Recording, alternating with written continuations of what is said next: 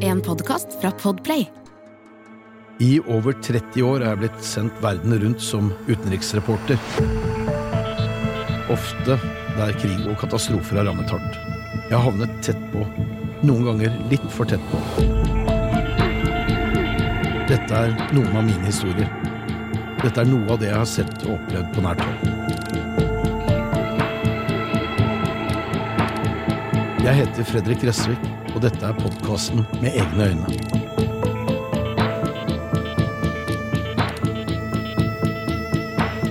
I denne episoden skal det handle om den arabiske våren.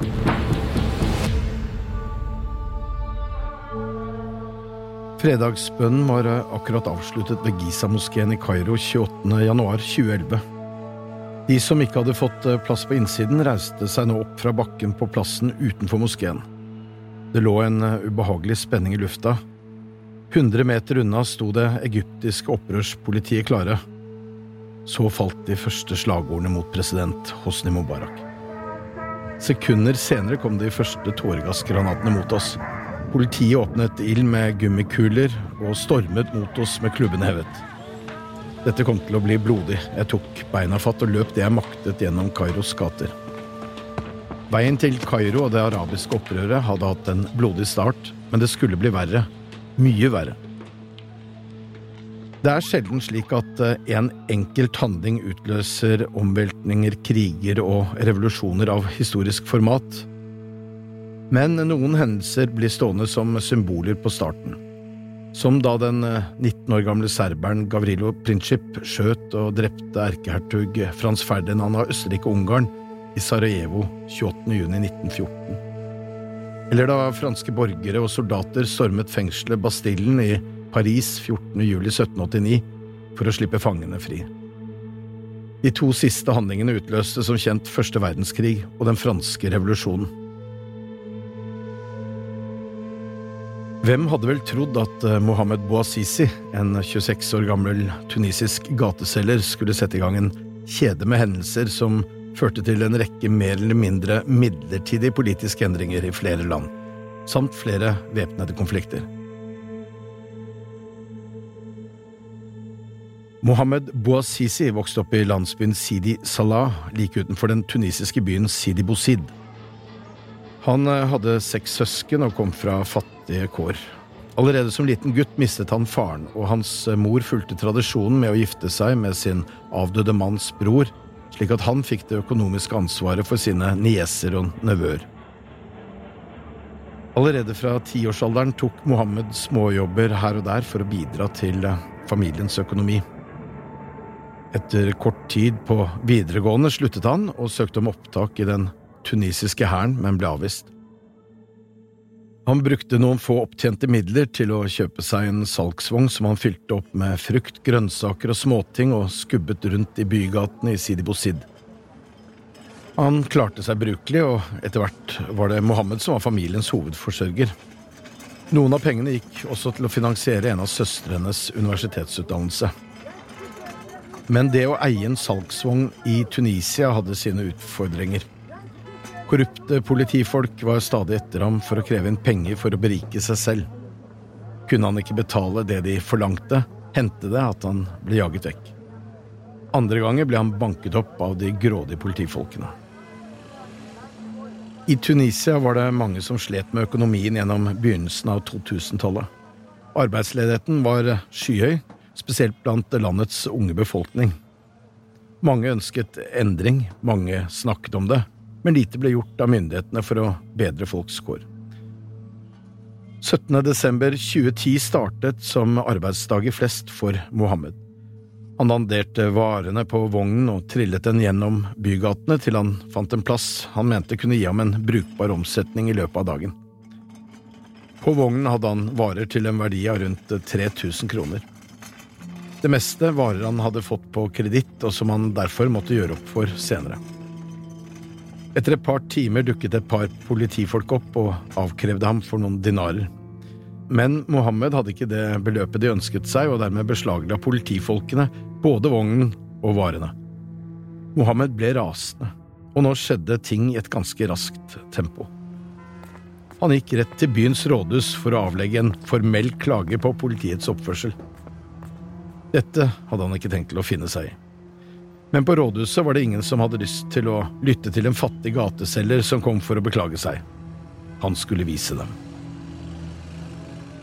Mohammed Bouazizi gikk bort til en bensinstasjon og kjøpte seg en kanne bensin, før han returnerte til rådhuset. Der stilte han seg opp i midtrabatten på fremsiden av huset, skrudde korken av kannen og dynket seg selv i bensin. Folk hadde nå stanset opp og så skrekkslagne på den fortvilte mannen. Hvordan forventer dere at jeg skal tjene til livets opphold? ropte han ut før han dro tommelen over tennhjulet på lighteren han holdt i den ene hånden. Før noen fikk stanset ham, var han oppslukt i flammer. Mohammed skrek av smerte og falt til bakken før noen øyenvitner fikk tak i noen klær og tepper som de kastet rundt ham og kvelte flammene. Med store brannskader ble han fraktet til sykehuset. Og her kunne historien om Mohammed Bouazizi stanset, men det gjør den altså ikke. Han hadde satt i gang noe som skulle få direkte konsekvenser for flere titalls millioner mennesker. Bare timer etter opptrinnet foran rådhuset startet demonstrasjonene. Først tok de unge mennene til gatene i Sidi Bouzid. Så fulgte kvinner og de som var litt eldre. Vanligvis ble slike demonstrasjoner slått hardt og brutalt ned av politiet, men Mohammed hadde vist et mot som de andre nå ville følge. De krevde rettferdighet. Protestene vokste i styrke, mot arbeidsledighet, korrupsjon, høye matpriser og mangel på demokrati. Demonstrantene forbante landets president gjennom 30 år, Sine El Abedin Ben Ali, og krevde diktatorens fall. Ben Ali på sin side beordret opprørsstyrkene til å slå ned på demonstrasjonene med alle midler.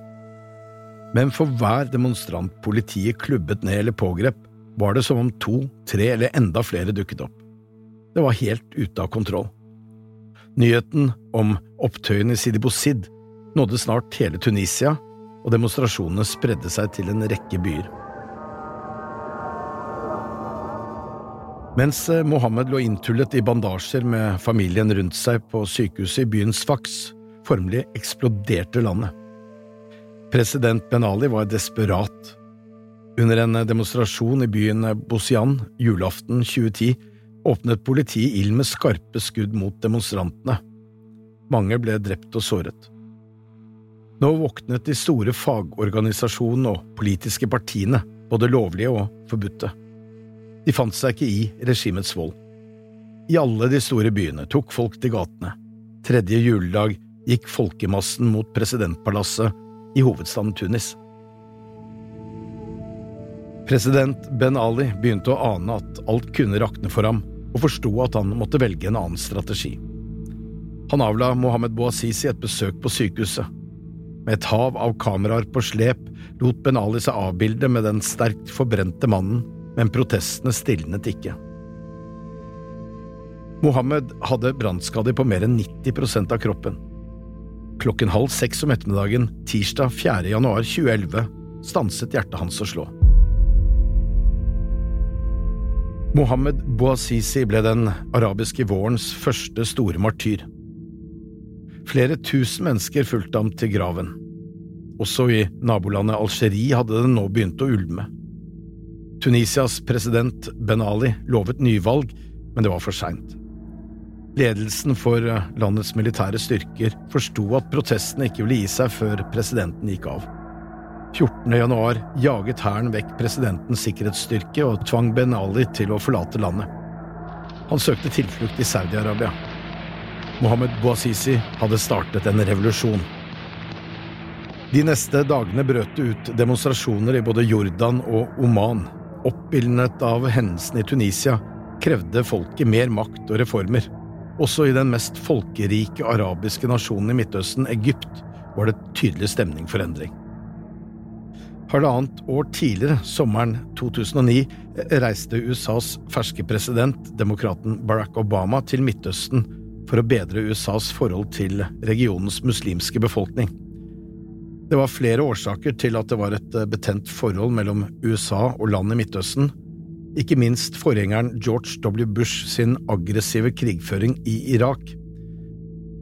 Amerikanerne hadde lagt fram falske påstander om at Saddam Husseins regime bedrev produksjon av masseødeleggelsesvåpen, og brukte dette som et eh, påskudd for et storstilt angrep som regelrett knuste landet. Og så var det den evigvarende amerikanske støtten til Israel i konflikten med palestinerne et problem for amerikanernes forhold til muslimske land. Det var også den pågående krigen i Afghanistan, som ikke hadde produsert den raske suksessen som mange nok hadde ventet. Alt i alt ble det oppfattet slik at amerikanerne hadde liten respekt for muslimer. Nå skulle Obama vise at eh, USA ikke drev et korstog mot islam, slik flere hevdet. Hans egen bakgrunn med kenyanske aner og en muslimsk far kunne kanskje gi ham noen fordeler. Kanskje han ville bli trodd. 4. juni 2009 holdt den amerikanske presidenten en tale på universitetet i Kairo. Talen bar navnet En ny start, og var da også ment som akkurat det. Over 3000 mennesker reiste seg og applauderte da Obama entret scenen i universitetets aula. Talen ble kringkastet verden rundt.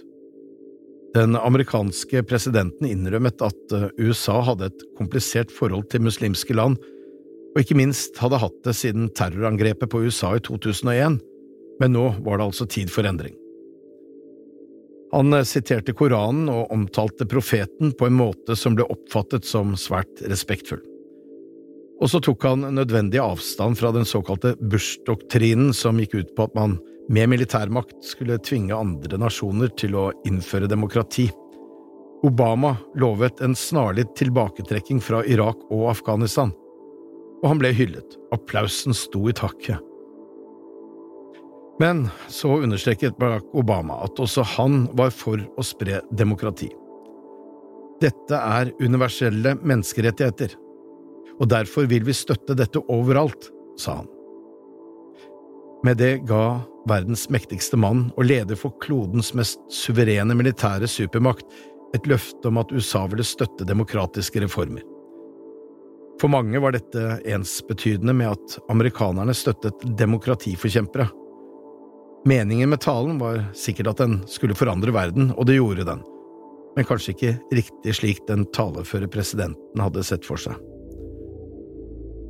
Halvannet år etter Obamas eh, tale, kort tid etter at Ben Ali hadde rømt Tunisia, brøt altså protester ut i Kairo.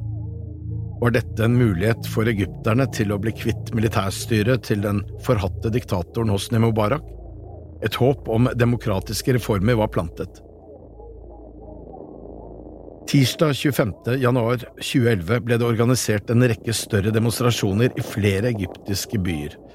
President Hosni Mubarak var kjent for å slå hardt ned på enhver form for kritikk. Men i Kairo vokste folkemassene til noe langt større enn det politiet hadde sett for seg. Demonstrantene krevde at en 30 år gammel unntakstilstand som ga politiet utvidede fullmakter, ble avsluttet. Akkurat eh, som i Tunisia var arbeidsledigheten stor blant Egypts unge og velutdannede. De krevde reformer. En folkemasse på rundt 15 000 mennesker flyttet seg fra det tillyste demonstrasjonsområdet utenfor Høyesterett til Tahrir-plassen foran Innenriksdepartementet. Også i storbyen Alexandria tok folk til gatene, og i Suez ble en håndfull demonstranter skutt og drept av politiet. Med vannkanoner, skarpe skudd og batonger fikk politiet oppløst demonstrasjonen. Men allerede neste dag var de i gang igjen. Og nå var de enda flere. De krevde Mubaraks avgang. På vei hjem fra et oppdrag for TV 2 i Australia ble jeg omdirigert med beskjed om å komme meg raskest mulig til Kairo. Spenningen var stor foran fredagsbønnen.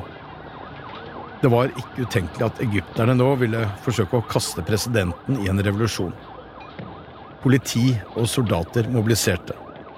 Jeg landet på flyplassen i Kairo tidlig på morgenen fredag 28. januar. Hos vår lokale samarbeidspartner Video Kairo traff jeg Hossam, en fotograf jeg hadde jobbet med tidligere. Sammen kom vi oss eh, inn til Giza-moskeen og ble møtt av et gigantisk folkehav. Og så brøt altså helvete løs. Jeg sprang så raskt jeg kunne vekk fra moskeen da politiet skjøt mot oss. En mann hadde tatt med seg sine to små sønner til fredagsbønnen og hadde et svare strev med å få begge i sikkerhet. Den eldste gutten snublet og ble trampet mot bakken av flyktende menn. Jeg løftet opp yngstemann slik at guttens far kunne få den blødende gutten opp, og sammen løp vi mot et inngangsparti til en boliggård der de tre forsvant inn. Jeg løp videre, men ikke lenger enn at jeg fikk med meg hva som skjedde. Tåregassen lå tett i gatene rundt moskeen. Gateselgere delte ut vannflasker vi kunne skylle vekk djevelskapet med, og fra balkonger ble det kastet ut løk som vi kunne gni under øynene for at tårene skulle rense vekk det aller verste. Fotograf Hossam forsvant i kaoset. Jeg fant en gate som politiet ikke hadde rukket å sperre av, og fikk etter hvert praiet en taxi tilbake til Hilton-hotellet like ved Tahrir-plassen. Det ble en voldelig ettermiddag og kveld. Demonstrantene var for mange nå. Det var for sent å stanse dette, men Hosni Mubarak hadde ingen planer om å dele skjebne med Tunisias Ben Ali. Fra hotellbalkongen min hadde jeg fri sikt ned på revolusjonen. Mobilnettet ble stengt, men ved hjelp av fasttelefonen fikk jeg opprettet en linje til TV 2s nyhetsredaksjon som holdt noen timer, helt til hele telefonnettet ble slukket i Kairo.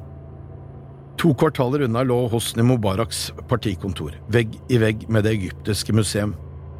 Snart sto kontorbygget i brann.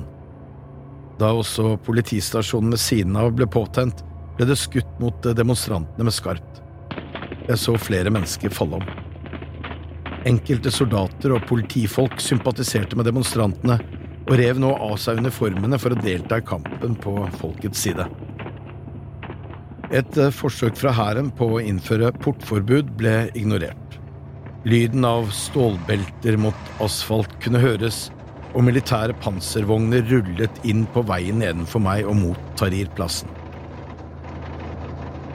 Fra hotellrommets balkong hadde jeg orkesterplass til dramaet. Skytingen vedvarte gjennom natten, og allerede neste morgen kom det nye tusener til for å vise sin avsky mot Mubarak. Snart var det én million i Kairos gater. Den desperate presidenten sendte en F-16 jagerfly som strøk lavt mellom bygningene over demonstrantene. Fra mitt rom i 15. etasje føltes det som om jeg så rett inn i cockpitene. Men folket ble ikke skremt vekk. En dukke som forestilte Hosni Mubarak, ble hengt etter halsen i en lyktestolpe, til stor jubel. På den sjette dagen ble fengslede Mubarak-tilhengere løslatt. Sammen med sivile agenter fra sikkerhetsapparatet angrep de demonstrantene, og det oppsto dødelige kamper rundt Tahrir. Folk slo hverandre i hjel med jernstenger.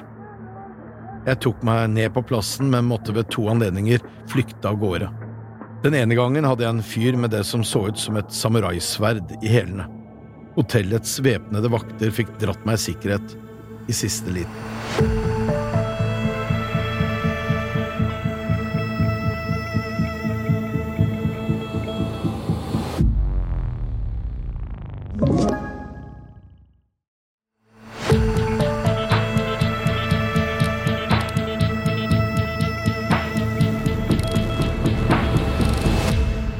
TV 2 sendte forsterkninger fra Norge. Fotografene Frode Hoff og Åge Aune og reporter Kadafi Saman. De to sistnevnte ble angrepet av Mubarak-tilhengere som formelig plukket verdisakene av dem mens de skubbet og slo. Også de kom seg i sikkerhet på hotellet. To kolleger fra VG fikk juling. En kvinnelig amerikansk kollega kom gråtende mot meg på Tahrir-plassen og tryglet om hjelp. Hun var omringet av menn som grep henne overalt. Jeg la armen rundt henne og fikk henne vekk. I to uker ble Hosni Mubarak sittende mens kampene raste. Han holdt en TV-tale der han var tydelig på at han ikke ville gå av, men så sa Egypts militære ledere stopp. De ville ikke være med på å massakrere sitt eget folk. Nasjonalforsamlingen ble oppløst og presidenten avsatt. Faraoen har falt, jublet folkemassen på Tahrir. Over 800 mennesker var drept i det som skulle bli revolusjonens første fase. Nye land og nye diktatorer sto for tur. Den arabiske våren var så vidt i gang, og snart skulle Norge engasjere seg militært. I Libya hadde folk begynt å ytre seg kritisk til landets jernharde regime og president Muammar Gaddafi. Da den kjente menneskerettighetsadvokaten Fatih Terbil ble arrestert for å ha ytret seg negativt om landets en gang så karismatiske og elskede leder, startet protestene. Fire dager etter Hosni Mubaraks fall i Egypt smalt det for alvor i Libyas hovedstad Tripoli. Om kvelden 15. februar bevæpnet flere hundre demonstranter seg med steiner og bensinbomber og marsjerte mot politistasjonen i den østlige havnebyen Benghazi med krav om at Terbil ble løslatt. Men både politi og soldater var forberedt på det som ville komme. Gaddafi hadde styrt Libya i over 40 år og hadde ingen planer om å dele skjebne med Mubarak og Ben Ali. Demonstrantene ble slått tilbake men via sosiale medier ble den nå mobilisert til demonstrasjoner over hele landet. Demonstranter ble skutt ned og drept. Ordren var klar. De skulle stanses for enhver pris. I Tripoli ble bygg og biler satt i brann. I byen Al-Baida ved grensen til Egypt ble det skutt mot folkemassene med raketter fra kamphelikoptre. Det ble skutt med artilleri og gjennomført luftangrep mot begravelsesfølger. Muammar Gaddafi gikk til krig mot sitt eget folk.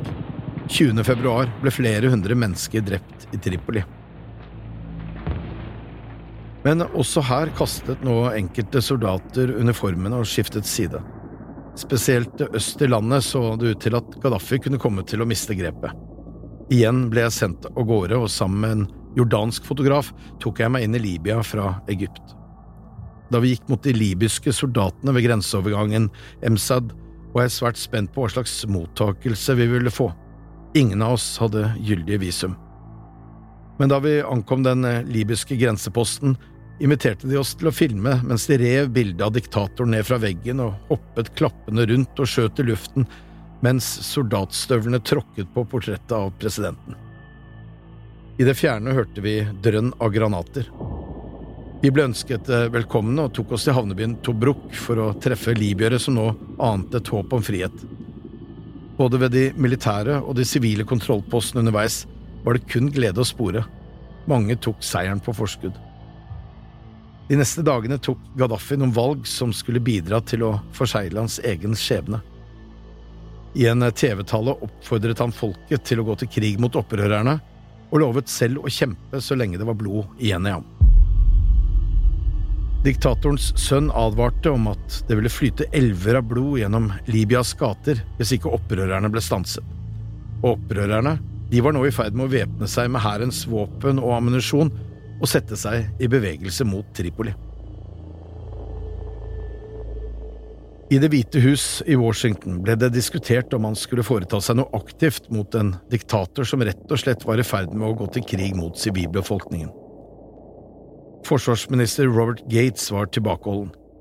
Men utenriksminister Hillary Clinton argumenterte for en militær intervensjon, og fikk støtte av president Barack Obama. Han hadde jo lovet støtte til de som ønsket å bidra til å styrke demokratiet i Midtøsten. FNs sikkerhetsråd vedtok en resolusjon med krav om at sivilbefolkningen i Libya måtte skånes, og ga Gaddafi klar beskjed om at han måtte endre kurs. Den libyske presidenten lyttet ikke. Frankrike la fram et eh, forslag i Sikkerhetsrådet om å ta i bruk alle tilgjengelige midler for å beskytte den libyske sivilbefolkningen. Ti stemte for, ingen stemte mot. I Norge tok eh, statsminister Jens Stoltenberg til orde for at norske fly kunne bli satt inn i en operasjon for å stanse Gaddafi. Frankrikes president Nicolas Sarkozy kalte inn til et eh, møte i Paris 19. mars. Han ville at Nato skulle gjennomføre luftangrep mot Gaddafis regime. Statsminister Stoltenberg deltok på møtet og gjorde det klart at den norske regjeringen, med et flertall av partiene på Stortinget bak seg, ville bidra. Sammen med USA, Storbritannia, Frankrike og Danmark klargjorde Norge for en militær intervensjon på opprørernes side mot Gaddafi. 24. mars ble de første norske bombene sluppet over Libya. I starten hadde USA ansvaret for operasjonen, men snart tok Nato over lederskapet. De norske pilotene fløy daglig tokt over den libyske ørkenen, og var blant de mest aktive i bombekampanjen. De ble spesielt brukt i områder der mange sivile var tett på målene. De ble regnet for å være blant de beste og mest presise. Men kilder jeg snakket med, både i Forsvaret og i Nato-systemet, har bekreftet at man vet at også norske bomber forårsaket tap av sivile liv i Libya. Blant annet i Tripoli 25. april. Hvor mange sivile som ble drept av norske bomber, er det ingen som vet. Krigen i Libya varte gjennom sommeren. 23. august falt hovedstaden Tripoli til opprørerne. Nato var fortsatt på vingene og på opprørernes side, og 20. oktober ble Muammar Gaddafis kolonne med biler utsatt for et kraftig flyangrep. Kolonnen stanset opp. Den tidligere diktatoren søkte dekning i et avløpsrør som lå langs veien, men ble funnet av opprørerne og halt ut. Libyas ekspresident ble slått og sparket, og ble ytterligere ydmyket av at noen stakk en bajonett eller kjepp opp i endetarmen hans før han ble skutt i hodet. Minst 10 000 mennesker ble drept fra opprøret startet til kampene var over i slutten av oktober. Det som så ut til å ha vært uh, vellykkede opprør i Tunisia og Egypt, spredde seg ikke bare til Libya og som tidligere nevnt Jordan og Oman, men også til Jemen, Bahrain, Kuwait, Libanon og seks andre arabiske land, men de store omveltningene uteble. Det var spesielt i ett land befolkningen fulgte utviklingen i Egypt og Libya nøye – Syria. For hva var det man så nå? Jo, at eh, vestlige militærmakter stilte opp med våpen for å beskytte sivile mot diktatorer som beordret sine egne militære styrker til å stanse opprør og demonstrasjoner. Og Obama hadde jo lovet støtte. Han hadde det. Eller hadde han? I februar 2011, mens den arabiske våren herjet med den ene autoritære lederen etter den andre, bestemte to unge gutter seg for at også de ville protestere. I den lille syriske ørkenbyen Dara, rett nord for grensen til Jordan, bodde de to kompisene Sami på 15 og den to år eldre Assam. De hadde bestemt seg for å være en del av den nye panarabiske bevegelsen. En kveld la de i vei til en skole i byen, og underveis fikk de følge av flere andre gutter. I den ene hånden holdt Assam en boks med spraymaling. De siste ukene hadde de hørt hvordan de voksne snakket engasjert om de store omveltningene som preget regionen. De fulgte også med på nyhetssendingene der revolusjonene i Tunisia og Egypt var detaljert omtalt. De voksne lurte på hvor lenge president Bashar al-Assad ville vare og om det ikke snart ville bryte ut opptøyer i Syria. Noen spredte demonstrasjoner hadde det vært de siste ukene, men regimet hadde stålkontroll, og det var vanskelig å mobilisere massene. Guttene gikk opp til den gule muren som gikk rundt skoleplassen. Assam løftet sprayboksen opp og klemte ut malingen. Bare sekunder senere sto teksten på veggen. Nå er det din tur, doktor med henvisning til den tidligere øyelegen som hadde arvet makten i Syria etter sin far, diktatoren Hafez al-Assad. Assam sendte boksen videre. Folket vil velte regimet, sto det snart. Nye revolusjonsopprop fulgte. De modige guttene signerte sitt kunstverk og løp av gårde. Neste morgen ble politiet kontaktet av skolens vaktmester, som mente at slikt kunne man ikke akseptere. 14 år gamle Najif var den første som ble arrestert. Da han ikke ville fortelle hvem de andre guttene var, banket de voksne politifolkene 14-åringen til han ikke lenger klarte å holde navnene tilbake. Politiet hentet noen, mens andre kom frivillig etter lovnader om at konsekvensene ikke ville være alvorlige. Andre igjen gikk i skjul. Politiet gjennomførte nattlig raid og klarte til slutt å hanke inn 15 guttunger mellom 10 og 17 år. Alle ble fraktet til fengselet i provinshovedstaden Suaida. Der startet mishandlingen. Guttene ble banket med knyttnever og batonger av presidentens menn. Tenner ble slått ut og hendene slått så hardt at fingre knakk og negler løsnet. Sikkerhetspolitiet ville gi et klart signal om hva som ventet andre med tanker om å protestere mot regimet, og sparte ikke på noe. Nyheten om barna som ble mishandlet, spredde seg på utsiden. Foreldrene tryglet om å få barna med seg hjem og hyret inn advokater. Få dere nye barn, brølte den lokale etterretningssjefen til dem. Etter et par uker hadde lokalbefolkningen i Dara fått nok. I samlet flokk gikk flere av dem mot rådhuset i byen med krav om at barna ble løslatt. Det var guttestreker som var begått, ikke alvorlig kriminalitet. Snart spredde historien fra Dara seg rundt i hele Syria. Guttene ble overført til sikkerhetstjenestens hovedkvarter i hovedstaden Damaskus, der mishandlingen fortsatte med full styrke. De ble pisket med ledninger og spent nakne fast til senger på eneceller av Assads sadister. Folket fikk nok. Under fredagsbønnen i Dara 18. mars ropte imamen ut sitt krav om rettferdighet. Den ilske stemningen steg raskt blant de fremmøtte, og etter bønnen marsjerte de mot rettsbygningen. Der ble de møtt av sikkerhetsstyrker som umiddelbart åpnet ild med skarpe skudd. Fire demonstranter ble drept.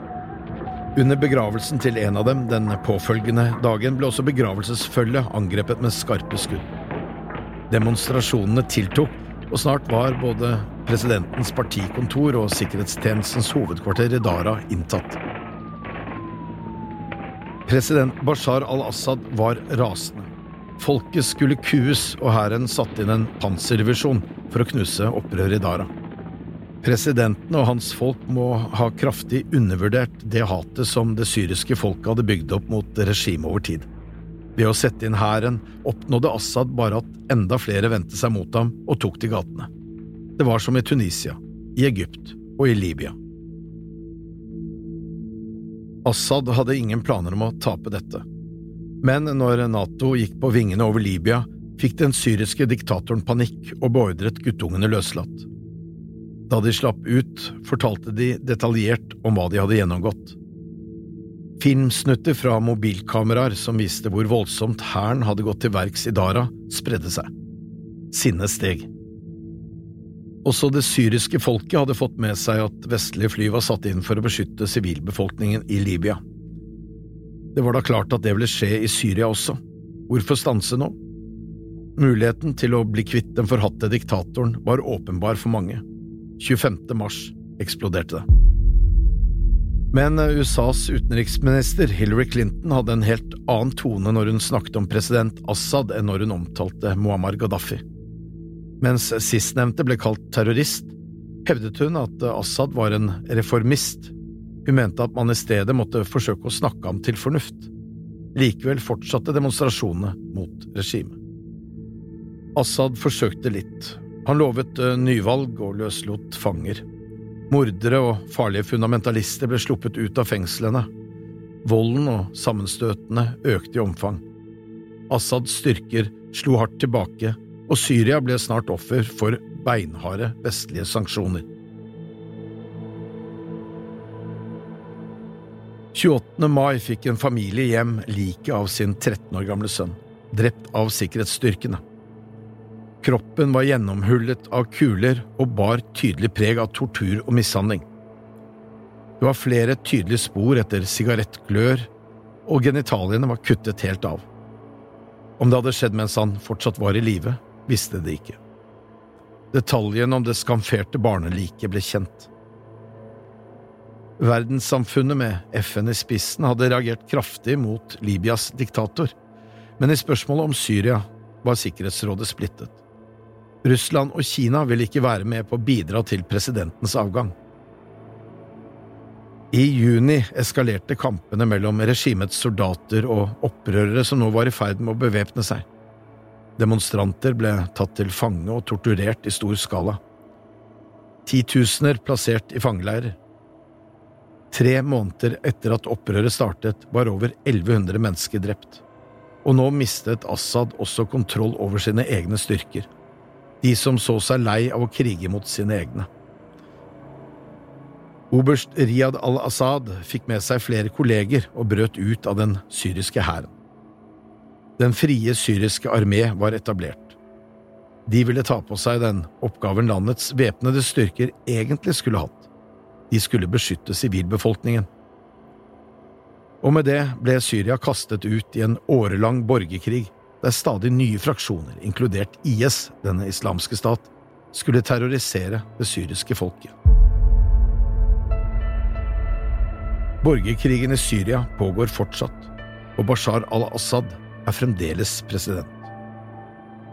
I Egypt ble det holdt eh, demokratiske valg, men eh, da islamistene vant, var det bare et tidsspørsmål om når generalene ville ta tilbake makten. I 2013 gjennomførte landets væpnede styrker et militærkupp og kastet det folkevalgte styret. I Libya ble det holdt demokratiske valg, men landet ble aldri skikkelig samlet og styres nå av en rekke fraksjoner. Muammar Gaddafis brutale styresett spredde frykt og var nasjonens lim. I maktvakuumet har det vokst fram flere fundamentalistiske grupper. Også i Tunisia, der det hele startet da den 26 år gamle gateselgeren Mohammed Bouazizi satte fyr på seg selv, ble det holdt demokratiske valg. En god stund så det lovende ut, men de siste par årene har vi sett at landet har sklidd ut i en stadig mer autoritær retning. Fredrik Gressvik med egne øyne er produsert av Bauer Media. Produsent for podkasten er Thomas Alsaker. Lyddesign og musikkomposisjon av Lars Petter Berg. Prosjektleder Øystein Weib. Hør flere episoder av denne podkasten gratis på podplay.no.